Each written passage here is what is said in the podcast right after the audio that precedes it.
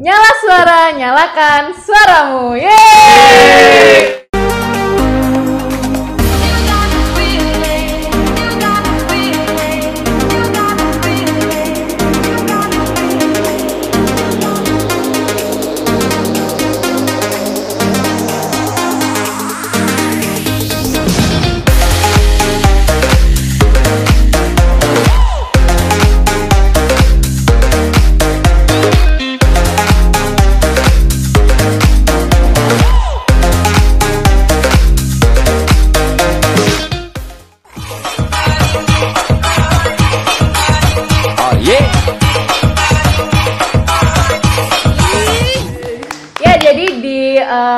episode eh, podcast Kominfo kali ini kita kedatangan banget tamu dari KPPL dan juga Kastra. Silakan perkenalan diri mungkin. Ya, perkenalkan saya Tio dari KPPL.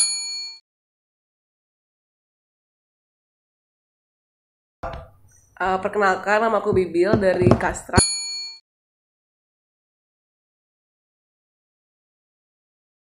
Dan aku Galuh dari Kominfo.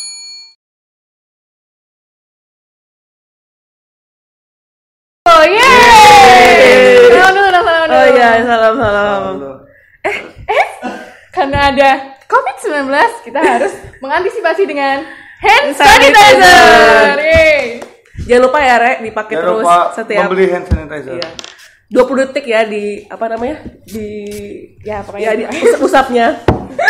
sambil, sambil nyanyi lagu Mas TL bisa. Nah, topik eh, podcast Kominfo kali ini adalah climate change. Nah, kita kan sebagai anak eh, teknik lingkungan nih setidaknya harus lebih paham lah tentang climate change itu sendiri. Kita kan tahu nih sekarang tiap sore tuh hujan, badai, nggak sampai sih, pokoknya hujan terus gitu kan. Nah, kira-kira tuh menurut kalian ada nggak pengaruhnya di climate change itu sendiri? Mungkin Mas Tio dulu mau jawab? Ya, kalau menurut saya itu sangat berpengaruh sekali climate change kayaknya. Karena dulu-dulu kan kalau hujan tuh kayak bulan-bulan yang ber-ber doang kan, September, Oktober, November, Desember. Oh. Oke, oke. oke. Bulan-bulan ber adalah bulan-bulan hujan. bulan-bulan hujan, bulan-bulan ber. Ulang, ulang, ulang. Bulan-bulan ber adalah bulan-bulan Hujan. Nah, itu kan sekarang kan jadi berpindah bergeser ke Januari, Februari, Maret yang sudah seharusnya bulan-bulan panas. Kayak kemarin di Jabodetabek sendiri udah dua kali banjir itu kan karena sangat pengaruh oleh climate change. Ini masa juga jadi korban loh Iya, dari jadi ini banjir. sedikit curhat. Iya, iya. Seberapa kemarin Mas kalau boleh tahu banjirnya di rumah? Sepaha orang dewasa. Oke, ke Bibil nih. Jadi pengaruhnya apa? sangat ngaruh sih bener kata Tio tadi terus terus iya sih mungkin paling kerasa dari kita adalah ya cuaca yang sekarang akhirnya malah berpindah terus kayaknya semakin semakin apa ya semakin lama juga durasinya kayak hujan semakin deras deras banget gitu dan, dan kayaknya udah berapa bulan sih kita kayaknya hujan Hujan hujan terus hujan, gitu. terus kayak gini nah itu sih sebenarnya Berarti emang kesimpulannya tuh eh, Mm. cuaca itu sangat berpengaruh juga ya ke climate change sendiri itu. sendiri. Ya, kan sebenarnya kan sih kalau kalau cuaca kan kayak apa ya? Kayak yang cuman dalam satu durasi saya hari ini nih cuaca ini. Kan climate kan sebenarnya dari beberapa apa ya, cuaca yang beberapa tahun yang ada Jangka jangka waktunya panjang. Jadi ya ya pasti berpengaruh sih. Gimana ya? Sih? Iya. Tuh. Nah, kalau ditarik ulur lebih jauh lagi eh, sebenarnya tuh apa ya? Kenaikan suhu bumi tuh sekarang udah apa ya? Kayak naik banget sebe- dari meningkat banget meningkat ya. banget ya correct me if I'm wrong Uh, dari se- dari revolusi industri sampai sekarang tuh naik- kenaikannya udah satu sampai koma dua derajat lebih nah mungkin kalau kita bayangin kan kayak satu derajat satu derajat mah kayak Nah, apaan apa sih gitu. gitu ya tapi sebenarnya sampai 5 derajat Iya, gitu kan. ini aku juga kemarin denger sih dari suatu podcast.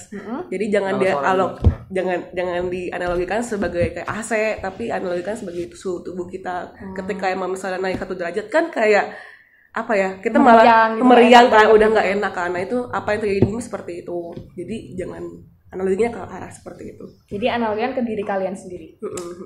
Nah, eh, setahu aku kemarin kan KPPL kan baru ngadain HAS nih. Hmm. Temanya itu kan water and climate change. Itu kenapa sih? Sebenarnya kan kita punya banyak hari gitu kan yang bisa dirayakan kayak hari sampah, hari bumi, hari air. Nah, kenapa KPPL sendiri itu selalu memilih hari air setiap tahunnya?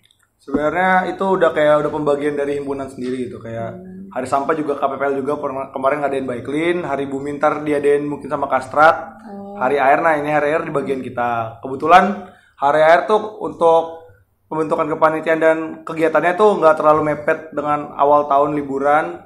Jadi bisa lah itu jadi gampang. Sama air juga salah satu hal yang kita pentingin di dunia ini. Karena kita tahu semua berbagai macam tubes air adalah sumber kehidupan jadi ya bener banget pasti itu kata-kata pertama di setiap tubes Ya di latar belakang pasti kalian akan Pasti gitu. mendapati Heeh. air adalah sumber kehidupan. nah betul gitu. betul betul banget dan air juga kan masuk dalam salah satu SDGs nomor 6 kalau nggak salah water and sanitation itu Jadi emang eh, air tuh penting banget gitu ya buat kehidupan ini. tepat sekali Nah kalau climate change sendiri tuh aksi dari KPPL tuh apa? Jadi uh, mau jelasin du- dulu ya tentang khas kemarin, Jadi- eh tentang tema khas ini. Jadi tema khas ini water and climate change. Jadi maksudnya ini tuh kayak persiapan dalam persiapan menggunakan air untuk ke climate change. Jadi itu. Jadi mungkin fokus aksinya itu cuma nanam pohon. Jadi persiapan untuk uh, menjaga air ketika climate change. Oke, gitu. Ya sih ini bener banget sih. Aku juga kemarin sempat lihat juga eh, kalau salah satu dampak dari kenaikan suhu itu adalah kelangkaan air gitu. Jadi emang itu sebenarnya emang harus yang kita persiapkan juga gitu. Bener-bener. Jadi mau jelasin soal temanya juga. Sebenarnya temanya itu dari UN Water. UN Water ini salah satu uh, organisasi yang bergerak di bidang air. Salah satu organisasi dunia yang di bidang air. Jadi semua kegiatan Hari Air dari kita mulai dari tahun 2011 itu rata-rata temanya dari UN Water. Nah, penjelasannya UN Water itu kayak gitu yang tadi aku jelasin. Jadi gimana persiapan kita eh, Menjaga air menjaga ketika ada climate change. Iya. Oh ya, terus aku juga tadi baca juga di water.org itu bilang kalau di Indonesia tuh ada ada kira-kira 28 juta uh, orang yang uh, apa ya susah gitu untuk mencari air bersihnya gitu, yang yang mengalami kedam ke apa namanya kelangkaan air sekarang ini kayak gitu. Nah dari tadi kan kita udah banyak nih ngebahas KPPL-nya itu sendiri mulai dari HAS dan lain-lain lah. Sekarang gantian nih ke Kastrat sama Bibil. Eh, biasanya tuh para environmentalis atau orang-orang awam kan taunya tentang climate change itu tentang gimana kita menjaga, menjaga laut, gimana kita menjaga biota laut dengan cara ya yang paling rame kan kita ganti dari sedotan yang plastik yang sekali pakai ke stainless steel atau sedotan bambu. Nah ya kan nah kira-kira dari Bibil ada nggak pengetahuan-pengetahuan atau ilmu-ilmu baru yang bisa disampaikan ke eh, orang-orang di sekitar kita Tentang apa climate change? Iya tentang climate change Oke. Hmm, jadi sebelum itu aku pernah dengar juga orang sekarang eh, sekarang itu termnya termnya climate change itu jadi diganti jadi climate crisis dari The Guardian. Tapi nggak apa sih tetap pakai climate change juga nggak apa-apa. Yaudah itu fun fact aja ya. Fun fact. Da- dari climate change ke Oke. climate crisis Eh, kalau untuk Indonesia sendiri penyumbang emisi terbesar itu datangnya dari desforas- deforestasi hutan. Banyak datang dari em, pembakaran eh, apa kebakaran gambut di Indonesia kayak gitu. Nah, sauku juga em, mungkin kalau kita bandingin sama negara-negara US, negara-negara luar kayak US, China, lalala itu memang penggunaan emisi mereka itu besar. Tapi produktivitas mereka menggunakan emisinya itu juga besar. Kalau Indonesia itu jadi sebanding gitu ya Mhm, Kalau Indonesia itu emisinya keluarnya besar tapi produktivitasnya tuh rendah gitu loh. Nah karena banyak yang karena banyak disumbangi oleh kebakaran hutan kayak gitu. Nah di Kalimantan, di Riau segala macam yang kemarin kan masif banget tuh. Nah itu. jadi kebakaran hutan ini salah satu penyumbang terbesar tentang climate crisis juga itu ya Iya, ha. emisi terbesar. Tadi kan dari permasalahan climate change sendiri kan udah banyak banget nih disebutin mulai tentang air, tentang kebakaran hutan dan lain-lain lah. Nah, sebagai anak teknik lingkungan atau sebagai orang biasa, bagaimana cara kita menjaga lingkungan dari hal-hal yang paling sederhana gitu? Mungkin dari Tio dulu. Uh, mungkin banyak sih yang bisa kita lakukan kayak tadi udah disebutin oleh Mbak Galuh soal penggantian dari sedotan plastik ke sedotan bambu atau sedotan stainless steel.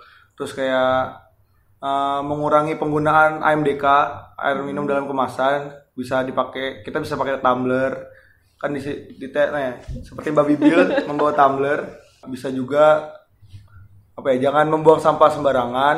Sampahnya kalau di TL sendiri sampahnya bisa dikumpulkan bisa diuangkan menjadi duit itu lewat bank sampahnya KPL jadi kalian bisa ngumpulin sampah kalian berupa botol plastik sama kertas. Nah itu langsung ditaruh ke KPL untuk SOP dan lain-lainnya bisa dibaca di Instagramnya atau OA-nya KPL gitu. Oke, sekalian promosi nih ya. Iya. berarti. Nanti eh, setahu aku nanti kita juga dapat saldo-saldonya itu kan ya? Iya. Ada rekapannya gitu. Iya. Oke, oke. Nah, Mbak, Mbak Galuh pernah aku daftar? aku kemarin sampah? eh, bank sampah 7 kilo kertas bekas. Wih, bagus tapi ada dapat uang Belum. kan masih menabung. Iya, iya. Celengan rindu. Mbak Bibil udah Mbak Bibil udah pernah nabung di bank sampah? pernah tapi sedikit lah Oh ya. ya nggak apa-apa. Yang Paling penting udah ada cuma 900 udah ada usahanya untuk mem- Menjaga lingkungan. menjaga lingkungan. isi sebenarnya emang kebiasaan memilah tuh harus kita Terapkan ya, terapkan sejak sekarang sekarang nih. Mungkin kan kalau dari luar kan udah sejak dini. Kita kan ya baru sekarang lah ya. Karena sebenarnya kemarin kita juga datang ikut kultam juga ya. Iya, kuliah tamu juga. Kuliah terus dia tamu. ngomongin tentang recycle plastik. Sebenarnya ya caranya kita untuk merecycle plastik salah satunya untuk memilah memilah sendiri ya karena apa ya ketika kita memilah kan pasti kita udah tahu nih kita bisa memilah plastik nih satu plastik nih. Terus plastik ini bisa kita langsung uh, alokasikan kepada orang. gitu. ya dan sebenarnya yang aku tahu juga adalah beberapa kayak uh, UKM UKM di di Surabaya aku pernah baca dia itu dia bikin um, bikin kayak jam atau misalnya tempat duduk tuh ada dari sampah-sampah plastik botol-botol kayak recycle, Hmm, reuse, recycle. reuse. gitu itu kan sebenarnya bisa jadi kayak circular ekonomi benar. kan gitu jadi nggak langsung buang tapi bisa dilakuin Tapi kalau di Indonesia sendiri sebenarnya ada kayak missing link gitu kayak Ya, kita udah bener-bener. milah milah milah ujung-ujungnya di landfill Iya, ya ha. digabungin Sama itu digabung ya jadi itu yang kadang-kadang menghambat masyarakat Iya untuk memilah memilah sampahnya. Jadi dari awal tuh udah dipilah bagus-bagus, Iya. udah dipilah jadi satu-satu, tapi ntar eh, pembuangannya tuh di Sama aja. Sama sama aja. aja karena ya digabung. benar Ujung-ujungnya bener kayak kata Bibil ya di recycle, dibuat barang-barang dari kita milah. Nah, barang-barang yang hasil pilahannya kita bikin barang-barang. Itu baru terus btw aku juga kan kemarin ikut less waste workshop gitu kan terus dia bilang eh, pokoknya dia men- menceritakan lah kalau semuanya itu recycle itu bukan eh, poin paling utama tapi itu yang paling poin, poin paling utama tuh refuse refuse untuk nggak make Oh, Hmm, ya, nggak bener-bener, make bener-bener. sama sekali pakai kayak gitu. Daripada kita recycle kan kita apa ya mengandalkan pihak yang lebih besar kan pihak orang ketiga kan gitu. Sedangkan kalau refuse kan kita bisa memilih sendiri kita mau pakai Dari diri enggak, sendiri, gitu. jadi mulailah pakai tumbler pakai tempat makan. Tempat makan, tumbler, sedotan stainless, sedotan bambu. gitu. Tapi kalau kita pakai barang-barang sendiri tuh emang pengaruhnya be- besar juga ya, kayak sedikit demi sedikit itu lama-lama pengaruh juga. Iya. mungkin emang paling susah sih sebenarnya apa ya menjadikan itu habit sih Iya, iya benar. paling sulit, sulit tapi ya Ya, harus dicoba tiap hari terus menerus mungkin bawa apa tote bag tiap Iya, hari perlu kresek. nggak usah kresek ke Sakina nggak usah bawa kresek lagi kresek Sakina laundry pakai tote bag sendiri. Iya bisa sih. Iya. tapi kadang-kadang sedih sih kalau misalnya kita ke, ke supermarket terus ngeliat tuh situ isinya semua plastik semua kayak food packaging semua Iya, isinya plastik. Jadi kalau di Surabaya juga ada sebenarnya eh, supermarket alternatif namanya alang-alang kayak bug store gitu. Nah itu isinya bener-bener apa ya kayak yaudah tempat eh, nasi-nasi aja nasi-nasi gitu. Saya kayak yang butir-butiran aja gitu. Nanti kalian dapat bawa bawa Tempat tempatnya sendiri. tempat sendiri nanti kalian ini bahkan itu waktu kemarin KPL kan ngadain acara namanya Baiklin itu bersih bersih sampah di pantai. Nah itu kita dapat sampai 100 kilo. Itu baru di pantai loh gimana di tempat-tempat lain di Surabaya. Kebetulan tuh kemarin pantainya pantai Kenjeran. Nah itu udah 100 kilo gitu. Dan itu nggak ada dipilah nggak ada apa-apanya. Sampah popok juga ada sampah plastik. Itu gimana tempat-tempat lain. Paling banyak apa kemarin kita nggak milah sih langsung aja langsung bener-bener cuma ngambil-ngambil aja nggak nggak Dan milah itu cuma di pantai tapi menghasilkan sampah sebesar 100 Iya. kilo. iya ya Kemarin juga waktu SE-nya Atlas 2017 kan kebetulan kita mampirnya tuh di TPA Bantar Gebang. Iya. Nah itu tuh sampahnya tuh juga udah banyak banget, udah menggunung banget, udah kayak pegunungan Himalaya gitu lah. Dan apalagi TPA Bantar Gebang itu bakal ditutup di 2024. Jadi kita kalau nggak dimulai dari sekarang mengurangi sampah, itu Iya. bakal ditaruh di mana lagi gitu. benar benar, benar. Jadi kurangi sampah. Eh, nah kalau dari Kasrat sendiri ada nggak sih kajian ataupun aksi yang berhubungan dengan climate change gitu? sebenarnya nggak berhubungan climate change juga sih.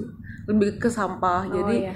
eh satu kemarin sempat diskusi tentang sampah di TL lingkupnya masih TL terus pengennya emang kita mau buat apa ya kayak langsung ngomongin ke birokrasinya. Tapi itu masih dalam eh, diskusi sama kasar sendiri kayak gitu. Terus kalau untuk aksinya sendiri pengennya ada aksi untuk hari bumi.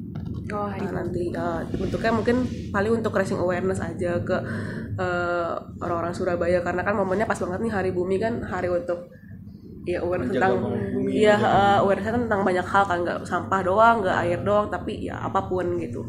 Tapi mungkin yang yang kami masih kendala besar adalah kami belum merasa ada audiensitas yang lebih banget untuk membuat itu kayak gitu. Dan ya mungkin orang-orang himpunan juga nggak merasakan ada audiensitas seperti itu. Jadinya masih di masih didiskusikan lagi gitu. Uh, jadi semoga ke depannya aja uh, orang-orang ini bisa tahu bahwa kalian tuh harus menanamkan ke diri masing-masing, menanamkan kesadaran diri bahwa sebenarnya climate change ini sangat-sangat penting dan gimana cara kita menjaga bumi ke depan. sebenarnya yang paling penting adalah menyadarkan bahwa climate change itu adalah aksi kan, adalah isu bersama gitu. Isu yang emang ber, apa ya untuk kehidupan kita mendatang gitu. Nggak cuma untuk anak-anak tel doang atau untuk anak-anak yang apa tapi emang untuk semua umat gitu semua Jadi orang gitu. uh, bukan harus uh, bukan berarti kalau kita anak TL kita tuh yang harus iya bukan. menggebor-geborkan aksi tentang climate change itu sendiri tapi ke semua orang. semua orang gitu. Dan yang paling ingat aku apa ya ngomong? Dan yang paling sebenarnya yang paling rentan itu untuk untuk kena dampak dari climate itu sebenarnya ada masyarakat adat gitu orang-orang yang adat yang tinggal-tinggal di Kalimantan segala macem. Terus ada orang-orang yang mungkin eh, nggak tahu. masyarakat menengah ke bawah yang hidupnya selalu eh, apa ya berpapasan dengan kayak asap asap kendaraan segala macem kayak gitu. Nah itu juga orang-orang rentan gitu sebenarnya. Ya, mungkin kalau kita nggak ngasah-ngasah banget rentan nih tapi ya kas sebenarnya ya nggak kasar-kasar banget tapi orang-orang seperti itu gitu. Ya mungkin mereka nggak mengeluarkan emisi yang besar besar gitu jadi mereka lebih ke korban dari iya orang yang kan kasihan kan sebenarnya. Harusnya mereka dilindungi gitu. Nah, sebelum menutup podcast Kominfo kali ini, mungkin ada yang ingin disampaikan dari Kastrat maupun KPPL dari Bibil dulu deh. Oke, em, kalau dari aku, kita kan sebagai eh, orang yang eh, udah berpendidikan nih, sudah punya banyak privilege, jadi eh, lebih baik kita memanfaatkan privilege itu untuk saling apa ya, eh, saling menjaga lingkungan, saling menjaga bumi, dan juga eh, kesempatan-kesempatan yang tadi untuk kita mengakses banyak hal itu dialokasikan juga kepada orang-orang yang kiranya eh, eh, nggak dapat bantuan dikasihkan kayak penting loh sebenarnya menjaga lingkungan kayak gitu. Jadi kita sebagai uh, orang-orang yang terpelajari sebagai Iya, pelopor atau garda Benar, depan benar, gitu benar, untuk mengajak orang-orang agar lebih aware sama climate change itu sendiri gitu ya, Bil ya. Yap. Kalau dari Tio, bener banget. Aku juga setuju yang diomongin oleh Bibil. Kayak masalah menjaga lingkungan. KPPL sendiri udah kayak udah mewadahi beberapa kegiatannya. Kayak salah satunya Tumblr Day gitu yang untuk orang-orang yang membawa tumbler itu kita apresiasi ntar kita kasih hadiah. Kayak bank sampah juga sekarang bank sampah di KPL sendiri udah buka untuk CTS jadi kalau teman-teman ITS yang mau dap- mau nabung bank sampahnya mau nabung sampahnya boleh ke KPPL itu sih. Oh iya terus satu lagi ada jangan lupa datang acaranya khas tanggal 21 Maret ini di Taman Prestasi. Itu acaranya seru-seruan kita seru-seruan ada susur sungai ada main Dragon Boat jadi datang ya uh, ya uh, itu dulu podcast Kominfo kali ini. Jangan lupa tonton podcast-podcast selanjutnya dan jangan lupa like, comment, and subscribe. Nyala suara, Nyalakan suaramu. Yeay.